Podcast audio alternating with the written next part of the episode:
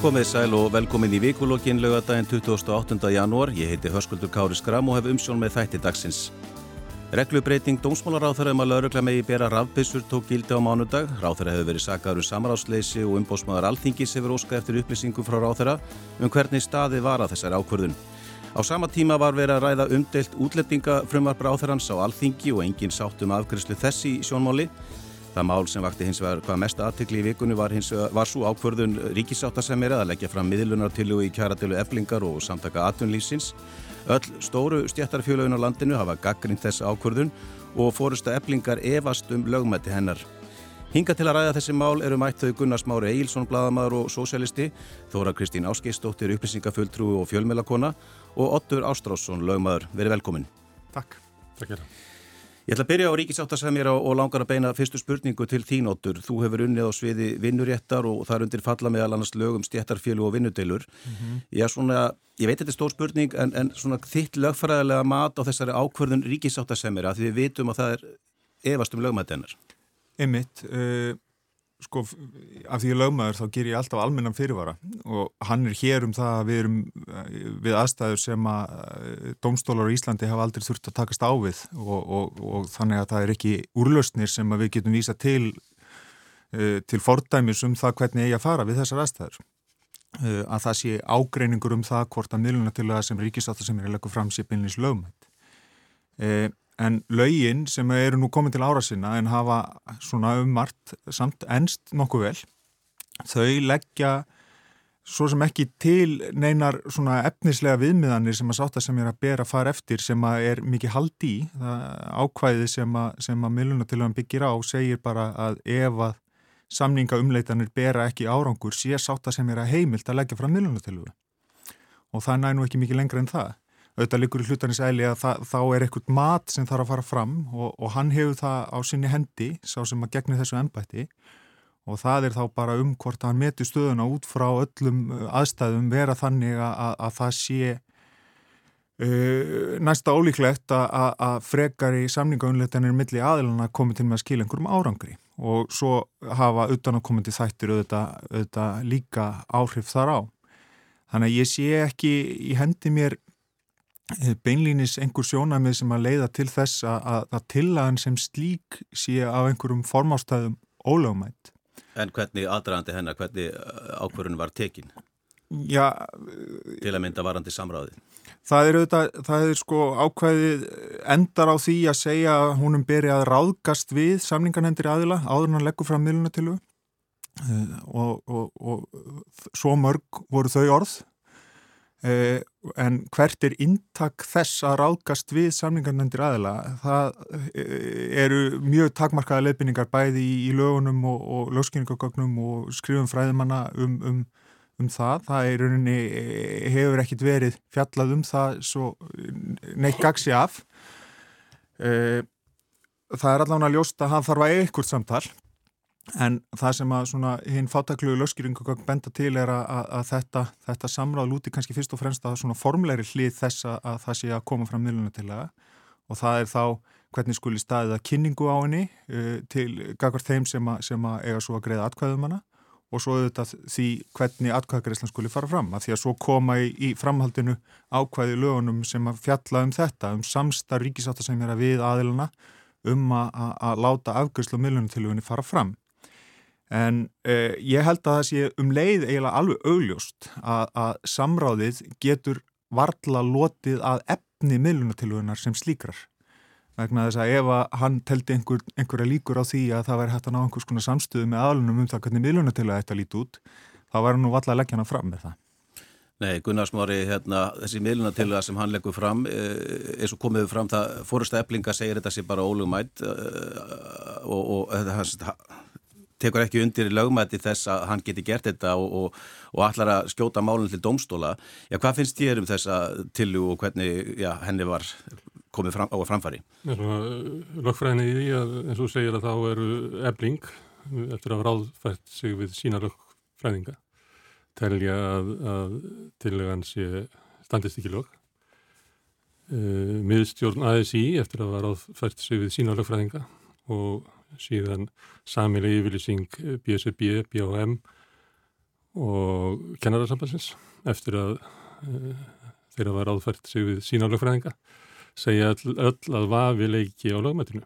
Þannig að það er alls ekki svo að það setja hveð úr um það að, að þetta sé allt löglega gert. Ég hérna eins og aðrir áhuga menn að, fletti bara upp í lögunum og það er saman við samráðuð þá er sagt að það skulle gert í, í tíma og, og menn hafi tíma til þess að koma með aðtúasemdir. Það tekið fram í hvort það var í lögunum eða greinagerðinni að, að það fylgja ekki í sér að sáttasemir er að taka tilliti til þeirra aðtúasemda þannig að þetta, þú veist, tekur á honum völdin í því en eins og okkur hefur verið kynnt hérna atbyrðar á sinn að þá bóðar hann til bladamannafundar og síðan rétt fyrir bladamannafundin að þá er hann með samlingarnemdinar og tilkynir þeim bara niðurstuna og, og heldur svo bladamannafundin þar sem hann segir hvað hann hefur þannig að svona það er eiginlega augljóst af atbyrðar á sinni að eða samráði var ekki annað en það að hann bara síndi Eh, síndi þeim hvað hann ætlaði að gera.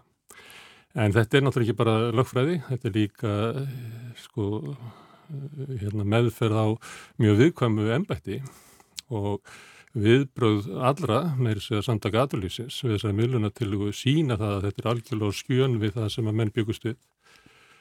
Hérna, ég tók viðtal við Solvu Önnu á mandaginn og að því að þá var verið að hafði um daginn áður verið hérna niðurst að samningarnemndar að, að efna til atkvæðgreðslu um verkvallið á Íslandshótulum að þá er þetta svona tímapunktur þar sem þetta svona spá hvað gæti mögulega gerst og við, við veldum fyrir okkur verkbanni, við veldum fyrir okkur lögum, hvarlega ekki að okkur að, að þetta væri að koma vegna þess að það er ekki það er ekkert í sögunni sem segir að meðluna til að komi á þessum tíma en og þó... svo, svo er eitthvað rökin sem hann notar sem eru um einhvern veginn að minnst þessu skrítin sko það er að, að hann sé að stíga inn e, til þess að gefa félugum eblingar kost á einhverju sem að þau hafa bara líðræðislega uppbyggingu til þess að taka ákvörunum sjálf. Það er ekki hlutverk hérna ríkisáta sem er að meta gæði hérna, tilbóða eða samninga.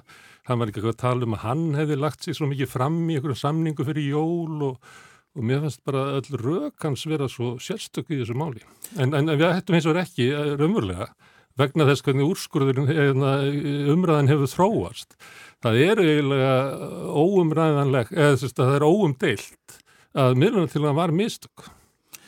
Einmitt Þóra, sáttasemira hefur kannski tekist það sem að engum öðrum hefur tekist á undanförnum árum það er að samina öll stjættarfélag á Íslandi. Já, það byrðist vera að það sé kannski komin einhver svona samljómur sem ekki var, en ég segi eins og smári ég get ekki séð að það hafi verið neynir sko það er ekkert, það getur vel verið að, að þetta standist lög við skulum lefa domstólum að skera úr um það.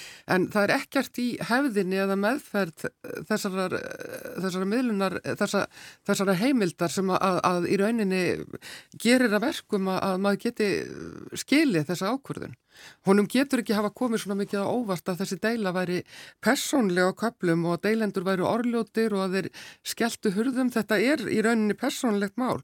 Það er verið að minna á að það verður aldrei tími til að hækka lagstu launin. Núna bera menn fyrir sig þenslu, næst munum menn segja að það þurfa viðhalda stöðuleika ef hann verður þá komin. Og auðvitað er það persónlegt mál. Það er persónlegt fyrir þá sem skúra allan daginn að að eh, koma heim til sín og, ef þeir eiga þá heima að fara til út á ástandin og leikumarkaði get ekki keift alminnilegan matanda bönnunum sínum, það er personlegt mál þegar fólk er að skúra annar manna gólf allan daginn og menn verður bara að skilja það að þetta er personlegt mál. Þau eru að minna á það að, sem sagt, að það er verið að takast á um fleira í þessari baráttu heldur en krónur og öyra, það er verið að takast á um í rauninni sko djúbstætt, djúbstæða andstöði við það að leiðrétta kjör þeirra sem hafa það verst í þessu samfélagi. Og það er verið að afhjúpa að það er engin vilji til þess að gera það og það verður aldrei gert og það er verið að, að veita þeirri óanægu eitthvað farveg og gefa þessu fólki rött þannig að þetta er miklu meira heldur en eitthvað sem að er hægt að leiðrétta með því að hækka þetta um einhverjar krónur til eða frá. Ebling er í rauninni bara að láta í ljós djúbstæða óanægu með þetta fyrirkomulag. Þetta... Og þessa samtryggingu í rauninni stjórnvalda og atvinnureikanda og hagsmunnaðila í þessu máli og ég held að almenningur, það hefur komið fram að almenningur hefur mjög mikinn skilning á því miklu meiri skilning heldur en fólk kannski óra fyrir. Það er ekki hagsmunir almennings að það sé fólk á meðalokkar sem að, að býr við fátakt bara, og það er ekki vilja almennings. Þú segir persónlegt, heldur að ríkisáttarsemiri sé að taka þetta persónlega? Sko ríkisáttar, já, ég held að ríkisáttarsemiri hafi móðkast á einhverjum tímapunkti og hann hafi gert mistök, hann hefur augljóslega löpið á sig og hann ætti að viðurkenna það í staðin fyrir að grafa sig lengra nýri böngur en þetta getur aldrei farið nema illa fyrir hans embætti. Annarkvort þarf hann að fara frá ef að máli myndi tapast fyrir domstólum eða vinst að þá er hann búin að tapa trösti allra verkefliðsrefingarna, það bara blasir við. Það sem er náttúrulega, sko, nú ætlum ég ekki að hérna, þykjast vita hvað einhverju fólki gengur til í, í, í þessu öllu saman. Uh, ég ætla bara að gefa mér það að það séu sé allir hér að reyna að vinna heilindum bara í, frá þeim stað sem þeir eru. En það sem er auðvitað verulega áhugavert í þessum aðstæðum sem við finnum okkur núna með þessa vinnudeilu er að ekki bara er verið að kljást um kjörin heldur er eiginlega allt sko systemið allt í hennu undir.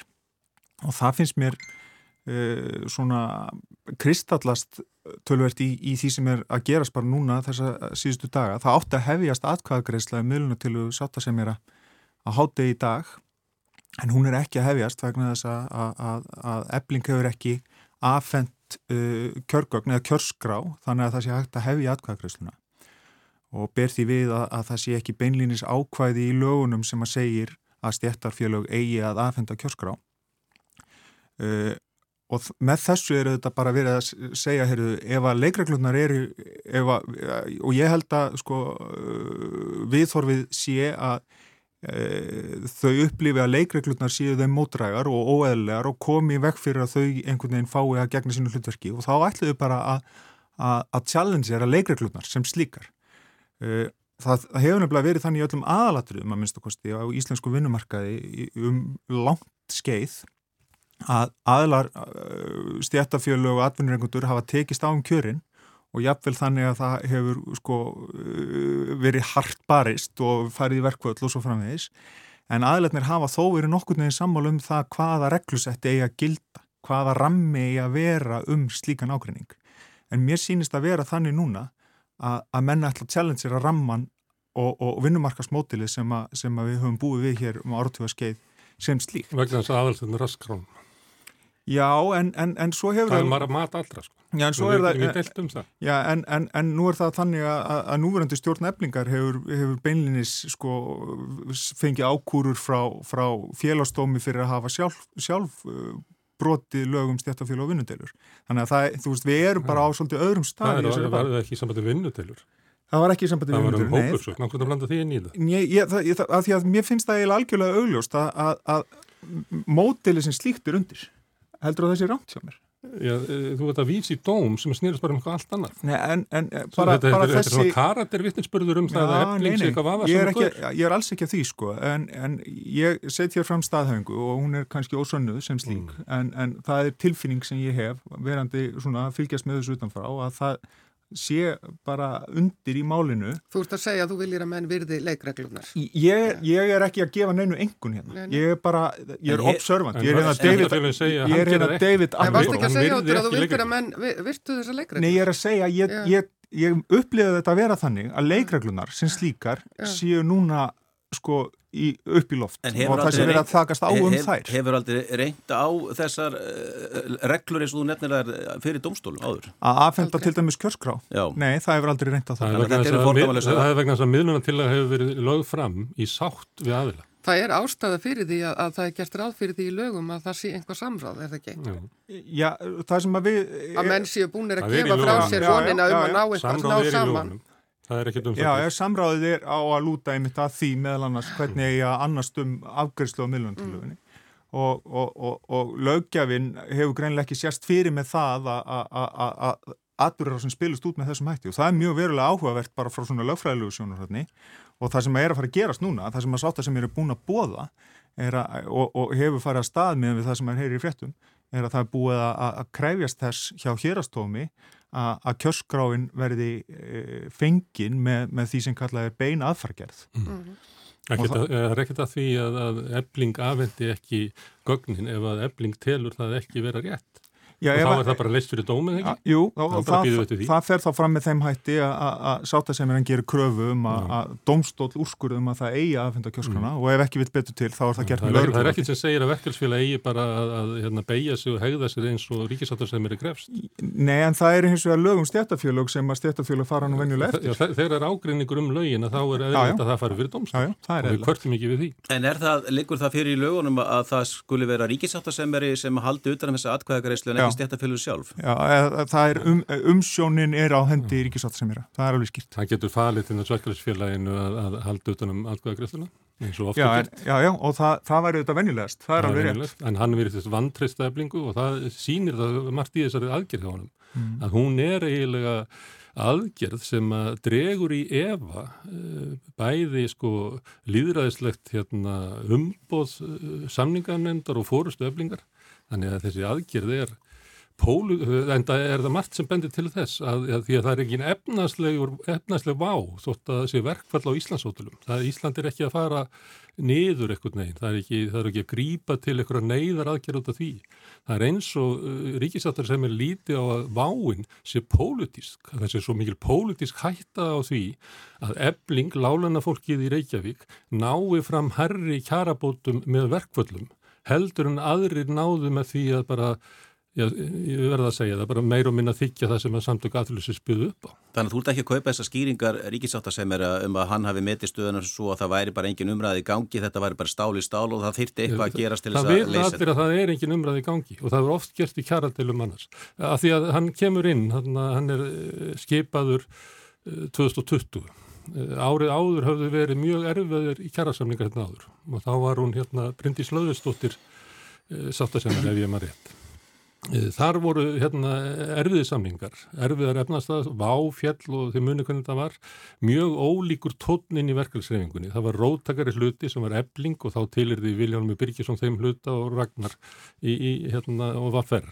En, en, en starfsgrunnsambandi vildi fara skemur þú veist að svona ef maður bara, ef maður metur það hvernig fólk lætur og þá bara verður að hafa það í hugastundum hefur ykkur hátt sem að ætla sér ekkert mikið og öfugt sko. Mm -hmm.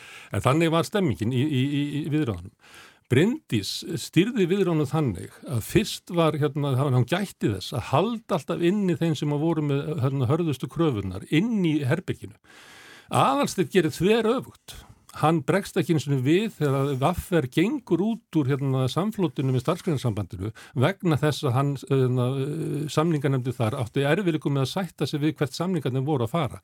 Hann helt áfram og gerði samningin við starfskrænarsambandið, neytti síðan Vaffer til þess að gera það, vitandi það að, að, að með þessu væri hann að stefna hérna, í átök bara við ebli, eblingu. Þannig hann hefur leikstýrt þessu allan tíman til þess að lenda í sérstökum átökum eblingu spurningu. Akkur þess að hann hafi leikstýrt þessu, er ekki líka aðtjóðlis sem í þessu viðra? Það fælst í lögum, hann, hérna, þegar það er búið að vísa til hérna, sáttasemjara, þá er hann Má, stjórnar hann umröðan. Má ég spyrja, hvaðan hefur þessar upplýsingar? Um, Nei, um þessa atbyrðar minnst það áhugavert. Sko. Því að það er bara vitað að það var hérna, fyrst á samflott SGS mm. og Vaffer. Vaffer gekk út úr því vegna þess að þau fannst samningarnir voru oflélegir. Samt var sami við SG. Þetta er bara úr fréttum og það er hérna í karp, hérna, sá sem að stýrir umræðunum í karpúsinu, allar þessar umræðu fóru fram í karpúsinu, er ríkisáttasemeri mm -hmm. þannig ég er bara að endur segja fréttir hér. Þá ertu basically að fyrir ekki í Ég er bara að bera saman hversu ólíkt hann bregst við og fyrri hérna sáttasemeri sem gætti að því sem að horfir á okkur heldarmynd og reynir að ná niðurstöðu sem að hendar öllum sem að taka þátt í til, þeim deilum sem er í gangi hverju sinni. En þá ertu að segja með þessu að, að ríkisáttasemeri hafi hafi ekki verið að gæta hagsmunni að allra viðsefnætja? Já, hann, hann verið ekki að reyna að ná saman samningum í upphafi sem að getur haldið utanum kröfur og vilja alla sem að voru búin að vísa til hans. Öfugtu það sem að Bryndís gerði 2019 og náði góðum samningum og hafið í huga að það voru samningar sem að náðist eftir að ebling fór í verkvall og með þess að var fer líka. Þannig að það er ekkert að því að fara í verkvöld. Nei, en þóra þessi miðluna til að einu sér er líka svolítið sérstug að því að hún felur í sér auðvitað þann samning sem starfskannarsambandi gerði við samtöku aturlýsins og fórist að ebling á samningarna að eblingar hefur hafnað. Mm. Er, Hann í raunin er farin að tala fyrir þessum samningi eða þessu tilbúði aturlýreganda eins og einn deilenda en ekki ríkisáttasemjari og það er náttúrulega alveg ferð, ég meni ég trúði alltaf mínum einu hugum og eirum að hann væri að leggja þetta tilbúð SA sem var löngubúið að slá fram á borðinu eða slá út á borðinu málinu sem einhvers konar miðlunatillögu þvingaða. Ég, mér finnst þetta alveg ótrúlega mistöka hálfu ríkisáttarsamir, ég verða að segja þetta. Mm. Og, svo, svo og það breytir engu hvernig eh, dómur fellur um afhendingu, einhverjar kjörskrári, ég hef sjálfsvegar engar, engar skoðan á því. Ég skil vel að þarna ebling skuli vilja mótmæla þessari samtrykkingu vegna þess að þetta er náttúrulega samtrykking. En aðferðafræðin, ég ætla ekki að taka afstöðlega annar. En sko, ef við spilum aðeins þess aðburðars út, sem ég finnst líka áhugavert að hugsa, er að segjum sem svo að, að niðurstaðan verði að kjörsgráin fáist aðfend og það fari fram atkvæða greiðsla um uh, millunatiluguna og ég held, heldur ekki að gefa henni neina engun það, hérna, ég, ég ber fulla virðingu fyrir því að ebling telji sig þurfa að fá betri samlinga fyrir sitt fólk og, og, og fyrir mánu vera en e, ef að fer svo fram atkvæðagreysla um millunutiluna þá gera lögin ráð fyrir því að hún sko, e, það er svolítið sérstakt hvernig því er snúið að miðlunatilugan e, gildir nema hún sé felt og hvað þarf til að fellana það þarf helming greitra atkvæða en þá og því aðeins að þau séu líka að minnstakosti fjórðungur atkvæða allra sem að hafa atkvæðis rétt og, og, og þetta hefur staðið svona í lögum í, í, í 25 ári eða svo. Og ég held að megi alveg deila um sko hversu líðræðislegt það er.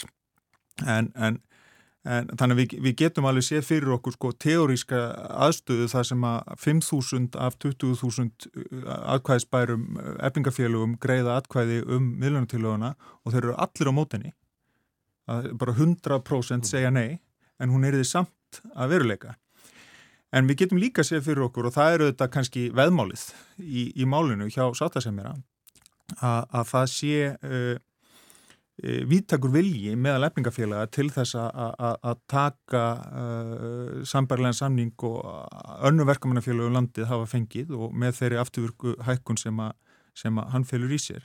Og það eru þetta um það undir neyri snýst sko atbyrðarásin líka að að uh, þá, þá eru við þetta komin í sko mjög undarlega og áhugaverða aðstöðu um, um, sem að fjallar þá um, um hversu langt umboð uh, fórustu eblingar nær sko, Það nær náttúrulega alla leið það þetta er löglega kjörin fórusta en hins vegar þarna við langar að spyrja þessi lagfræðing Já. þessi dómur þarna í hérastómi um, um lögmæti þess að afhend ekki félagaskrána mm -hmm. verður hann fælst í honum dómur um lögmæti millunatilögunar?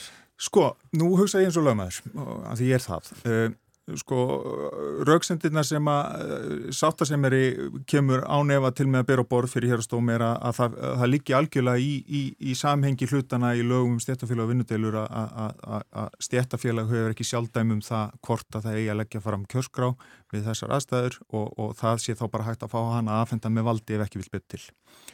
Móturökin frá eblingu verða bæði um það að það sé ekki skýr og afdráttalaust orðuð uh, regla í lögunum um að það eigi að aðfenda kjörskrá en líka um að, að, að miðlunatillagan sem slík sé ólögumætt.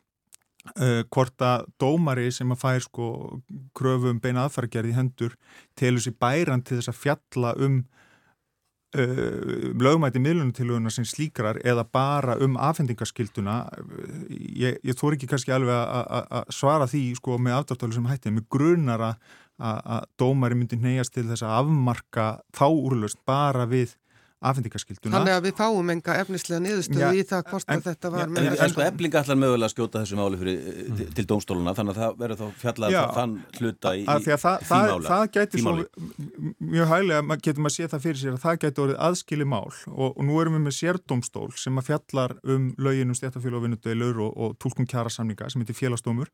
En mér skilst að það sé ekki vilja eflingar að fara með máli þangað allavega eins og, eins og Solveig hefur talað í fjölmjölum. Einmitt. En, en varðan þessa atkvæðagreyslu... Svo var maður sko inn, svo er málið ekki lögfræði sko. Ha? Málið er ekki lögfræði. Það er orðið ljóst að, að ríkisáttasemari hefur mist traust uh, allra hérna, hans launafólks, allra reyfinga launafólks og það er bara við erum í sko, svakalegri stöðu. Annarkort hérna, er aðalstill Leifsson að missa traust e eða þá að hann þráast við og, og, og við missum hérna tröst deilu aðila á ennbættinu. Já, en er þetta ekki líka svolítið sérstætt að þið ætla að tala um atkvæðagreisluna? Þetta er byggt upp þannig að, eins og þú nefndir, að það þarf 25% félagsmanna að hafna tilugunni. Mm -hmm. Sko það, það myndi kalla sögulega þáttöku í atkvæðagreyslu hjá stjættarfélagi í dag. Ekki hjá stjættarfélagi, heldur hjá stjættarfélagi í lánunarfólks. Miðlunartillugur hafa verið feldar til þess að kennurum mm -hmm. með held ég bara, það var ekki 90% af kjörsklónu mm -hmm. sem hafnaði, mm -hmm. það var ekki 2004, ég manna ekki alveg. Já, ok. Þannig að það hefur gæst. Vandamáli með lálena fólkið er alveg eins og í öllum kostningum. Minkandi kostningaþáttaka í okkar heimsluta. Mm -hmm. Hún er fyrst og fremst hjá fólki sem er á legstu launanum. Mm -hmm. Það er valdalösast á fólkinu mm -hmm. sem að upplifir það að líðræðist kerfið og það nær inn í verkefliðskrifinginu að ríka. Sé ekki fyrir það að það séu bara þólendur ákvæðan annara. Það skiptir engum máli hvað ég geri. Ég verð bara að sætta mig við það sem er mér er bóðið vegna þess að mín reynsla í lífinu er svo að það er ekki hlustað á mig það er ekki tekið tillit til neins sem ég beðum, ég fæ ekki eins og laun sem að duga fyrir framfæslu minni. Og þessu, það, þá er þetta búin að berja fólk svo niður að kostningaþáttakan er orðin svona veik og það er alveg sérstatt vandamál sem við verðum að horfast í auðvið. Og þess vegna er þessi barátt að eflinga svo mikilvæg eins og ég benda á áðan að þetta snýst ekkit bara um krónur og öyra, þetta snýst um sjálfsmynd, þetta snýst um sjálfsmynd þess að lagst launaða fólk sem er í rauninni fossendan fyrir því að það geti staðið upp og krafist þessara breytinga mm -hmm. og að berja það niður og þann haft sem ríkisátt sem ég er að gera með þessari handónýtu miðlunatillugur sem er bara beint úr sko af óskalista atvinnureikanda og, og þvingan upp á launafólk í krafti úr eldra laga. Það er bara hræðilegt og auðvitað, auðvitað á hann ekki eftir að njóta tröss ríkisátt að segja mér ef að, þetta, ef að þetta gengur eftir. Mér finnst að hann nætti að sjá sóma sinni því að viðurkenna mistök að hafa hlaupið á sig, hann er ungur í ennbætti, draga þetta tilbaka og reyna að byrja málið upp á nýtt. Og væri það til þess fallið að skapa eitthvað tröst? Ég, ég held að það er alltaf erfitt en það verður, það verður ekki ógerlegt eins og, og mm. málinn standa nú. Það eru dæmi að það hefur verið skipaður sko sérstakur sáttasemmer í einstökum málum. Eh, stundum bara út af önnum en, en stundum út af einhverjum tengslum eh, hérna, sáttasemmer við einhver mál. Í þessu tilfelli held ég að veri langsnöðast fyrir hann að, að bara viðkynna misturskyndur að þetta tilbaka og óskastur því að verið skipaðu sérstaklega sáttasemmer í deilu eflingar og essa. Mm.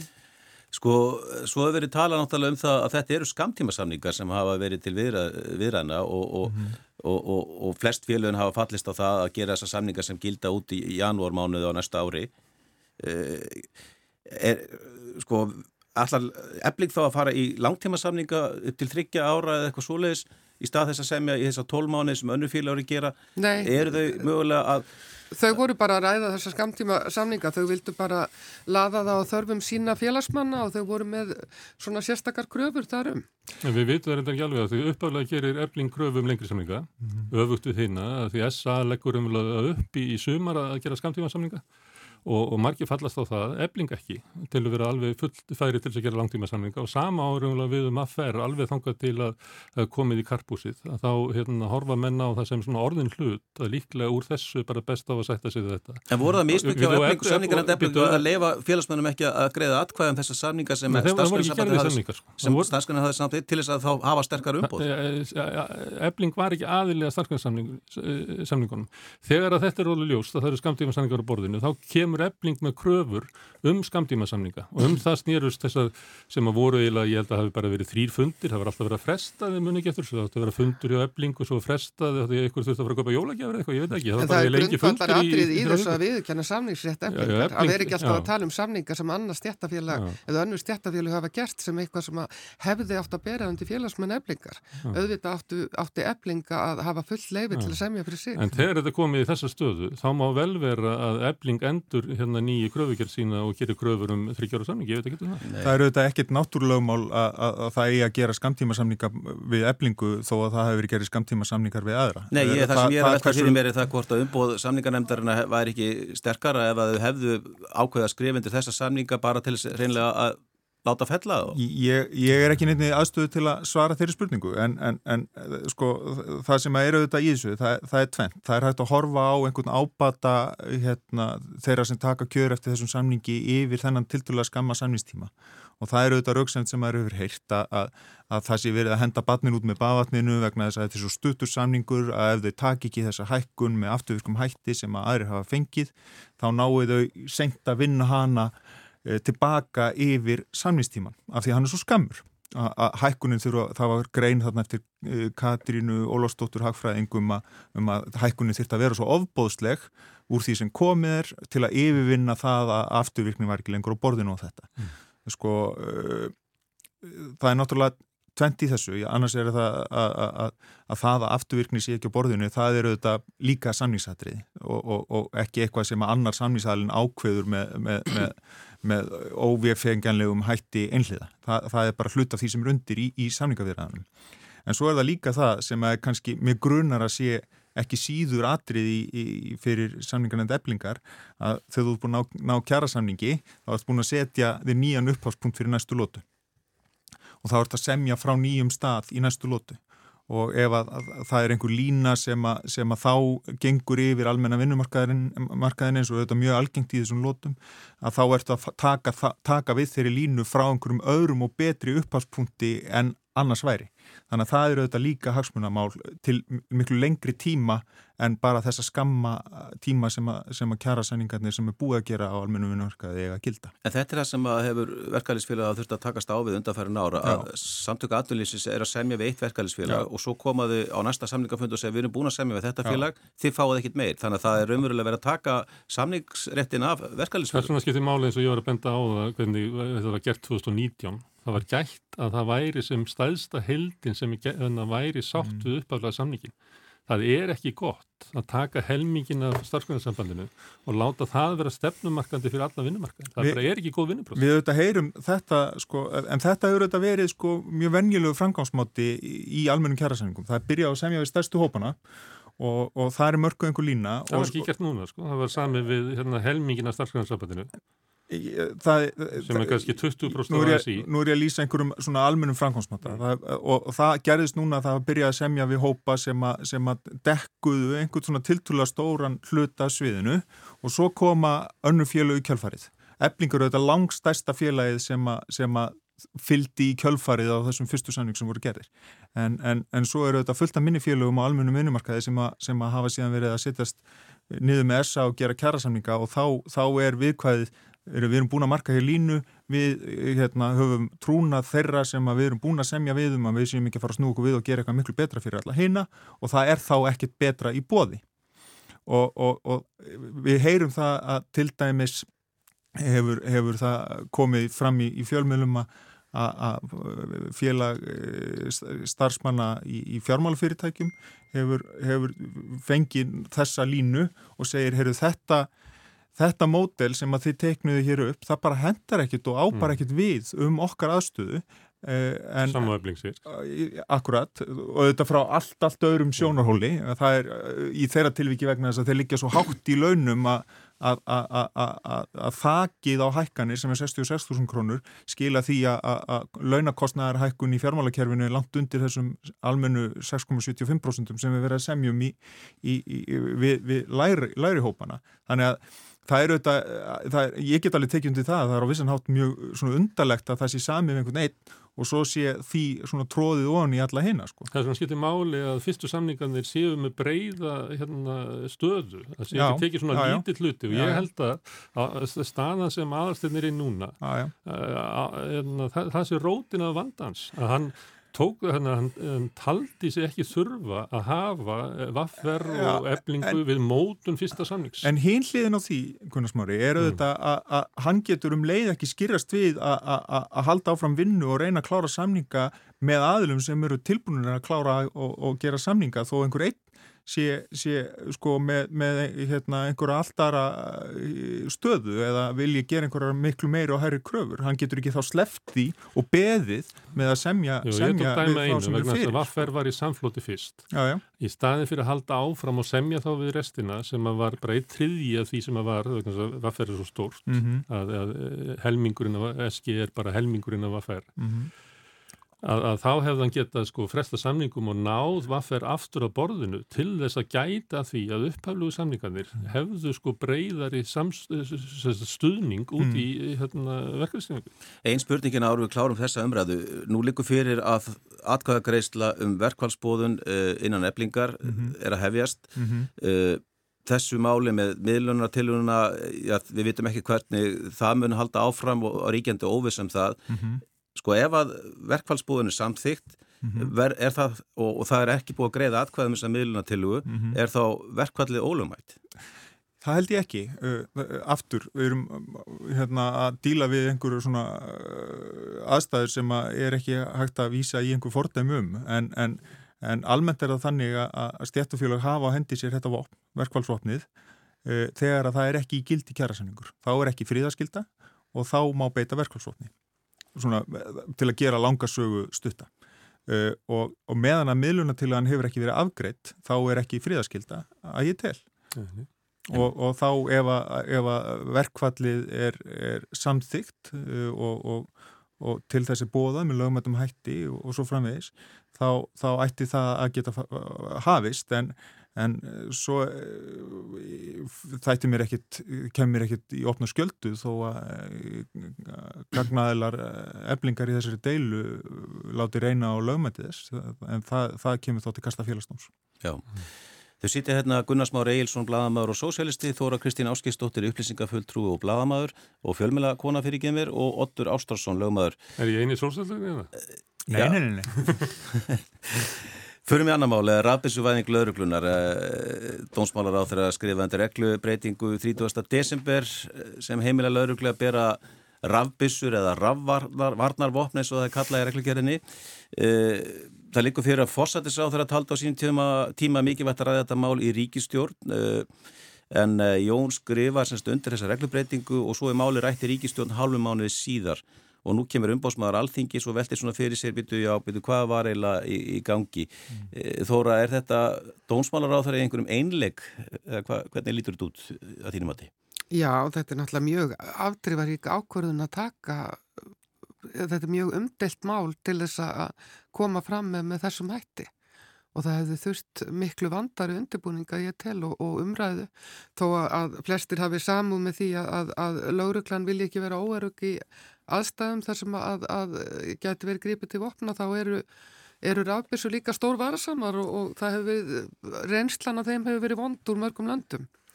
Þó að, að reynslan af þeim sé ekki orðin mikil til dæmis á, á Norðurlöndum þar sem að, að Jón Gunnarsson er að vísa í núna þá eru til dæmis mjög varasamar tölu sem berast okkur frá bandaríkjónum og, og reynslan í Hollandi er slæm, mannréttindasamtök vara við þessu eins og til dæmis amnesti og telja þetta ótímabært, þannig að ég, mér finnst þetta að vera mjög galið. En er þetta svo stór ákvörðun að hún kalli á uh, meira samtal heldur en það sem fór fram?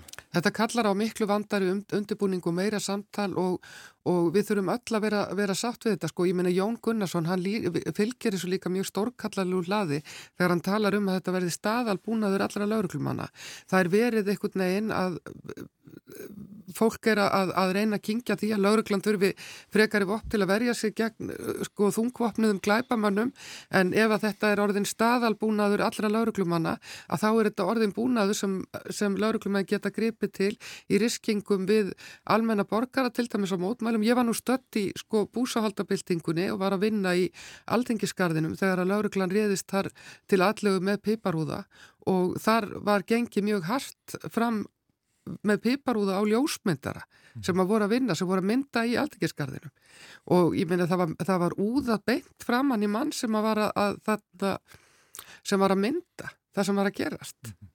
Það er mjög vond að fá piparúða framann í sig af stuttu færi, það er bara alveg hræðilegt og menn lágu þarna í hrú og engdust um með myndafilanna við liðin og þetta var alveg surrealist og maður hugsaður bara með hryllingi til þess að ef að þessi lauruglumenn sem fóru svona gjössalega á taugum við það að það væri verið að taka myndir að þeim við störf í aldekisgarðinum að ef að þeir hefðu verið með rafbissur til dæmis. Já, menn segja að þessar rafbissur og já, valdi ekki eins miklu skada eins og til að mynda piparúðar? Já, ég menna að það getur valdið miklum skada hjá til dæmis þeim sem eru með undirleikjandi hjartasjúkdóma og, og það þarf að beita þessu rétt, má, þetta má ekki snerta ákveðin svæði á líkamannu, fólk þarf að, að kunna þetta mjög vel og vera einhvern veginn vel í stakk búið til að beita þessu. Ég held að, að það sé mjög varasamt að fara að opna alla lauruglumenn með rafbissur og senda það át á göttuna. Ég menna það er alls konar mál sem koma upp þar sem er að takast á við ofur ölvi útlætinga, nei ofur ölvi þarna borgara og, og útlætinga sem hafa flytið úr landið, þetta bara varnalös almenningur og, og það er bara hræðilegt að það verður farið að beita svona vopnum í, í þeim riskingum. Ég tel að lauruglan hafi alveg næg úrræði fyrir á að hafa það og þá fyrst og fremst að leggja áherslu á að sko fjölga lauruglumennum og þarna ebla löggjastluna þannig. En lastu þetta bref Otur sem umbósmaður sendir á þeirra, hann er þarna að vísa í stjórnaskrá og lög um stjórnar á Íslands, allavega hana, það eru þarna ákvæði sem snerta meðal annars og, og hveða á um hvaða mál beri að ræði ríkistjórn. Mm -hmm. eh, beinir þessum spurningum til dónsmálar á þeirra og vil vita hvena reglubreitingi var til að mynda undirrituð mm -hmm. og hvort hann hafi svona vitað að fósættisráþara meðal annars vildi ræða þetta og taldi mikið að ræða þetta máli í ríkistjórn. Eftir hverju heldur þú að umbósmaður sé að fiska? Hann er nú vantanlega að fiska eftir því bara hvort að það hefur verið lagðu fórsvænilegu grundullur að þessari reglubreitingu. Hvort að það hefur verið rannsakað með næjanlegum hætti og hvort að það hefur verið viðhaft að samráði ríkistjórn sem að lög áskilja. Eh, og, og það er auðvitað, mér finnst það í sjálfu sér bara nokkuð verulega umhúsunavert að lagumgjörðin sé með þeim hætti að ráð þeirra geti með reglukjörabreitingu uh, voppvætt laurugluna. Mér finnst það umhúsunavert og, og vegna þess að þó að ráð þeirra auðvitað hafi ákveði líraðslegt umbóð þá er, þá er það orðið svona uh, einu skrefi fjær en ef að, ef að þetta væri eitthvað sem lögjöfum þyrti að taka afstöðu til með beinum hætti. Og, og mér bara hrýs hugur við því verði að játa að, að það sé í alvegni þannig að við getum bara allt í einu staði hér uppi með ráþæra sem hefur einhverju undarlegar hugmyndur um það að lauruglumenn þurfi til dæmis að bera bissur En í krafti þess að þá gæti hann það. Það er eiginlega þannig já, það er staðarbúnaði lauruglumann og að því að við vitum það að sunnstæðir í löndunum í kringum okkur þá, þegar maður kemur til útlanda þá og lendir á einhverjum flugvelli þá er það menn bara gráðu fyrir játnum með sko, mm. sjálfur gott og ég vil ekkert að það sé þannig á Íslandi. Ég held að það sé sko hafi verið, nú er ég bara algjörlega að tala bara sem hérna ottur, ekki lögmaður sko að ég held að það hafi verið mikið gæfa fyrir, fyrir íslenska þjóð og, og þá sem að hér búa og þá sem að hér hérna, komið heimsók að laurugla hefur ekki borið vopn vegna þess að það liggur algjörlega í hlutanins eðlið þó að það sé sko svona einhverju, marki svona spurningin um hænun og ekki að e, eftir því sem að lauruglan steitir nefan harðar því harðara ofbeldi mætir henni og öfugt skiljiði og, og, og, og það er, ég held að það sé opbúrslega mikilvægt að reyna að standa á bremsunni gagvar þessu eins og mögulegt er.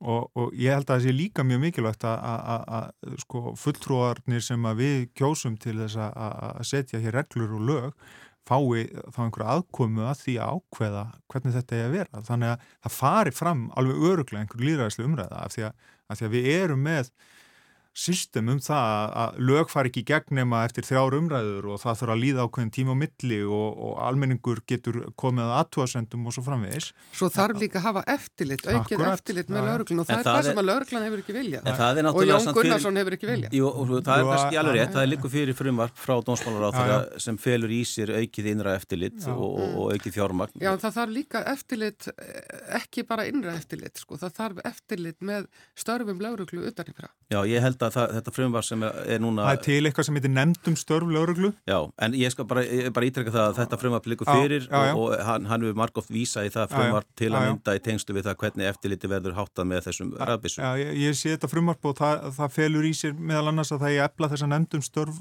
lögreglu sem að almenningur getur leita til og kvarta til mm. og sem að getur þó kalla eftir gögnum og, og farið yfir verkferðla og atvik og eitthvað en, en svona bottom line í þessu í mínum huga er bara veist, við, við viljum auðvitað að lauraglann sé örug í sínu störfum. Það held ég að sé uh, algjör konsensus um það. En að, að við göngum svo skamt sem kostur er til að tryggja það vegna þess að ef við förum offari þá, þá, þá hefur það bara einhverja svona eitthvað svona ripple effect sem, a, sem er bara vond fyrir alla sem búið í þessu samfélagi. Gunnar, það líkur fyrir að ráð þeirra má þetta, það er ekkert sem bannar hún að breyta reglunum með þessum hætti Jú, og rafvoknar væða það er sem umbósmaðurinn er að kalla eftir Já, hann er bara að kalla eftir því með hvaða hætti þessi ákvörnum fór fram Já. og hvernig maður fjallaði með henni ríkistjórn hann er, þetta er eiginlega hann er, reyna, hann er að reyna að fella þetta á forminu, held ég sko. Þú heldur það, já Hann er eiginlega að vísa til að þetta minnir mann á landstómsmáli þetta heitir ekki eins og ríkistöldafundur, þetta heitir eitthvað eh, Ríkisráð. ríkisráðsfundi já, já. og hann er að segja að, á ætla að, að mat hans er þannig að þetta sé svo stórt mál fyrir Íslands samfélag að það verði að bera það upp þarna að því að þetta þarna er framkvæmdavaldið og ef það er hérna, framkvæmdavaldið má gera þetta á, á núgjaldandi lögum að þá verði það að bera þetta upp þarna og það hafi ekki verið gert og þess vegna sé reglugjörðin eins og ég, þú veist, ég er ekki að segja hann haldi þessu fram en hann er að kalla eftir gögnum sem mm -hmm. umræðan gæti þá verið þannig sem er uh, það sem þið eru að segja. Getur að verið þannig að ráður að geti tekið svona stefnumarkandi ákvörðum bara einn út í hodni en, en umbásmarinn er láta á það reyna. Getur það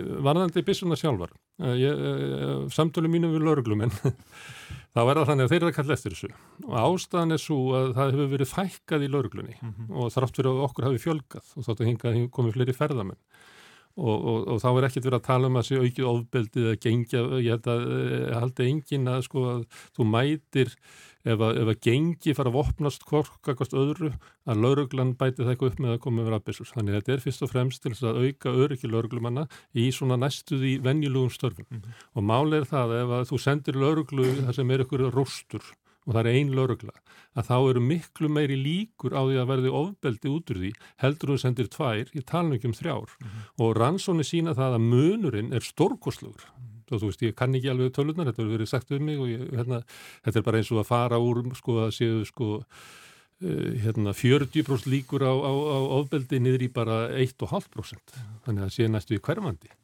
Og, og, og, og þar, þarlega er þetta, þetta staða sem við erum komin í út af sveltistöfnu ríkisvaldsins skakvat innviðum hérna, og grunnkerfum samfélagsins það hefur verið skori niður fér til lauruglunar, fækka lauruglumennum og við þekkjum það var bara svo, muni ekki hérna fyrir jól þegar hún alltaf alltaf að vera sínileg og það var ekki þannig að kæmi svona Bobby slappatilu laugavegin, þetta kerður bara á sérsveitabílunum og blikkuðu ljósin. Þetta var alltaf öðru sér laurugla heldur en það er sko vanalega svona sínileg þannig að við höfum mist þetta með sveltistefnunni að hafa laurugluna sko svona sínilega eh, svona sæma rock típuna af lauruglunni hún hefur verið lögð af á nýfljóðsöku tímanum og í staðin er okkur bóðið upp á rafbissur og svo, svo mun þetta bara halda áfram. Það er alltaf verið að leita eitthvað svona teknilegum lausnum. Ef við viljum hafa góða löggjæslu þá verðum við bara fjármagnana og til þess að fjármagnana þá verðum við leggja skatta á það sem eru aflúðu færi e, það sem að gerðist á nýfrælsíkjárunum það voru skattar á hérna best settu voru gefnir eftir og síðan sittum við uppi með það að e, löggjæslan er að hörna heilbríðskerfið er að hörna allir, öll grunnkerfi og innviði að og, og hva, hver, hvert er svarið þá frá Jóni Gunnarsen og öðrum nýfrálsíkjumannum? Rafbissa. En það er svolítið merkild að, að hérna, hvernig viðbröð vinstri græna hafa verið við þessu málu að því þetta er nú sérstaklega kannski óþægilegt fyrir þau í ríkistjórnarsamstarfnu. Fósættis á þeirra segir, jú, vissulega hefði, mátt, hefði verið heppilegra að ræða þetta mál betur í ríkistjórn með skýrari hætti. Uh, Sumið þingmenn tala um þetta hafi verið daburlega ákvörðun en það hefur ekki komið fram neins svona hörð, hörð Sest, uh, menn hafa ekkert mótmælt þessu freka með því að reynilega kalla eftir því að þetta verið dreyið tilbaka Þóra ég... Nei, nú, nú þekk ég það ekki Nei. hversu hart menn hafa gengið en, en ég... Þetta er ekki eina máli sem raunverulega vinsti græn hafi þurft að kingja því að það er náttúrulega líka útlendingafrunvarpið sem hefur verið til umræða núna í, í margar, margar mánuði og ekki mörga ár núna er fynda lotan í þeirri tilrun til þess að fá það mál í gegn uh, og búin að vera hitamáluð alþengi þessa vikuna. Ég treysti mér ekki til þess að, að segja til um höskuldugáru, ég er bara ekki fylst með því hversu harlega vinstir græn hafa mótmælt þessum rafbísum, en ég þykist nú vita að í, í missir sem að þekkir þar að, að séu ekki ánaði með þessa dróun mála. En varðandi útlætingafrumarpið þá er það náttúrulega í þingleiri meðferð og, þarna, og það hefur tekið ymsum jákvæðum breytingum. Það er búið að þetta var náttúrulega algjör rákasmíð og, og, og mjög mikil afturför eins og þetta leit út í byrjun og það er ennþá, að mínu mati, er þetta ennþá mjög vant frumvarp og það hefði þurft miklu meira samráð og miklu betri undirbúning ef að við ætlum að ná einhvers konar sátt um útlætingamálinn.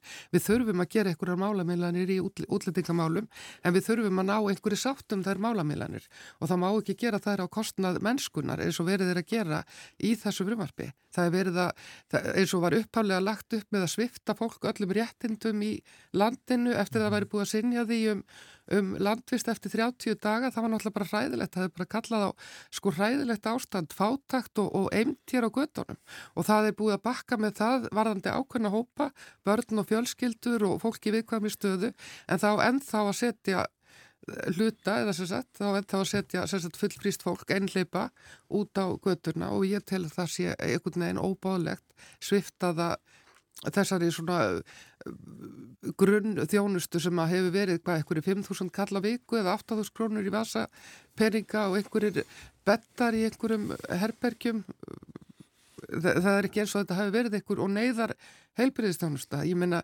viljum við skapa þannig ástand hér á göttunum að, sem við ráðum ekki við? En það er bara svo áhverð að fylgjast með þessu að því að ég hef nú verið að fylgjast með umræðanum á alþingi og það er ekki borðið mikið á því að þing með vinsti græna sé að koma upp í ræðustól og tala um þetta mál. Eh, Pírata sem hafa kannski verið eitthvað harðastir í sinni gaggrinni þeir náðu samtali við Guðmund Inga Guðbrandsson félagsmálar á þeirra í, í hérna, óundibúnum fyrirspilna tíma mm. til þess að spyrja út í þetta mál og ég veit að uh, það er fundið núna hjá ungu, ungum vinstri grænum sem hafa líka gaggrind þetta frumvarp mm. og það sem Guðmundur Ingi ætlar að mæta uh, segir okkur sínir að þetta er, þetta er bara mjög óþægilegt mál fyrir vinstri græn Þetta er mjög óþægilegt mál fyrir vinstri græn og ég hef trú á því að þau sé að reyna bak við tjöldina að gera allt sem þau geta en mér finnst að þau ættu bara einfallega hafna þessu máli algjörlega og þarna, það sem er kannski óhugulegast við þetta mál að það er þessi orðræða sem fylgir því úr hlaði þetta er svona hálfrasísk orðræða þetta, er, þetta eru við og hinnir mm -hmm. og, mhm. og þessir hinnir þetta er einhvern veginn fólk sem á ekki rétt á því að vera, vera að, að, að að umgengist eh, sem manneskjur. Það á ekki rétt á sko lámas mannréttindum, það eru hinnir það er eitthvað fólk sem er einhver ógnið okkur hinn hvaða óskaplega ógnir þetta fólk? Og það er verið að tala um einhverjar tilhæfilösar um, umsóknir það þurfi eitthvað ofbás ofbáslega mikið kerfi og bátt til þess að mæta þeim að hörku. Það er engin ógn sem stafar af einhverjum tilhæfilegsum umsóknum. Þetta eru sára fáar umsóknir. En það er ógn sem stafar af svona ómanniskilugu kerfi og það er ógn sem við sjáum til dæmis í nágrænlandunum. Sko, ef, við, ef, ef ég má grípa þetta mm. lofti, af því, því að það sem að þetta blasi við er að, að útlendingalögin er nú ekkert orðin eitt voðalega gömul mm. en þegar þau taka gildi þá eru að sækja hér um, um vend Eh, einhverjir tugir einstaklinga ári uh, ef ég mann þetta rétt ég, þið tekjum mig bara af með, með tölunar en, en þetta, eru, þetta er sko komið á held í þriðja þúsund á, á, á nýluðinu ári eða, eða, já Já, en það er náttúrulega út á úgrænu. Já, já, en það er ekki bara það. Það, það, er, það er svona helmingurinn að því, en, fjölgunin, en fjölgunin er, er, er gríðaleg. Hún er mm. sko með veldisvísi og, mm. og, og, og kerfið sem var búið til ræður enga vegi við það verkefni. Það er algjörlega augljóst hverjum þeim sem horfir á þetta uh, og um leiði líka ljóst að e, þetta verkefni kemur að öllum líkindum bara til með að stækka á komandi árum og áratugum. Við erum að horfa fram á loftslagsvá sem að er að fara að hrekja fólk frá heimkynnu sínum við, uh, og, og, og, og þurfum við þá ekki einmitt skýrari ramma? Ég, ég, held, ég held að það sé algjörlega augljóslega þannig að við þurfum að sko fara í rótin á þessu og stefnumótun í því hva, hvernig, hvernig Íslanda ætlar að breyðast við til framtíðar í þessum málum vegna þess að ég er svona sjálfur þeirra skoðunar að við eigum að taka við eins mörgum og við getum með tekið á móti með góðum hætti og góðum móti. En hver er stefna sósélistið þessu? Það er að hérna, bjóða fólk velkomið, við sjáum bara hvað hérna, innflytjendur hafa gert samfélaginu gott mm. og fögnu því og hérna bara uh, fælt, uh, stjaka frá okkur hérna, hörnun vestræðna samfélaga út af aukinni framfærslubyrði og hlutvall vinnandi og, og flera, bara endalust eh, jákvæmt en, en hvað keirir þessu umræð áfram? Í haust þá tilkynnti hérna tónsmálaráðara Jón Gunnarsson að öll grunnkerfi samfélagsins var að falla út af tilhæfuleysum umsónum hérna. Talað um að þessu ári stemdi að veri 67.000 flottafmenn sem kemur yngur aðstofum á dómsmálanar Brynja Níelsson var bara miðjan desember eh, heyrði hann í sko, podcasti segja það að stemdi að veri 6.000 mann sem kemur hingað eh, það er að koma tölu frá útlendingastofnum það er 4.500 mm -hmm. þannig þeir sem að keira málið áfram keira það á ósanendum mm -hmm. þegar það er skoða hverjir þetta eru þá er þetta fyrst og fremst fólk sem er sérstaklega bóði hinga til Íslands af Íslandskur stjórnvöldum sem eru úkrænumenn og fólk frá Venezuela mm -hmm.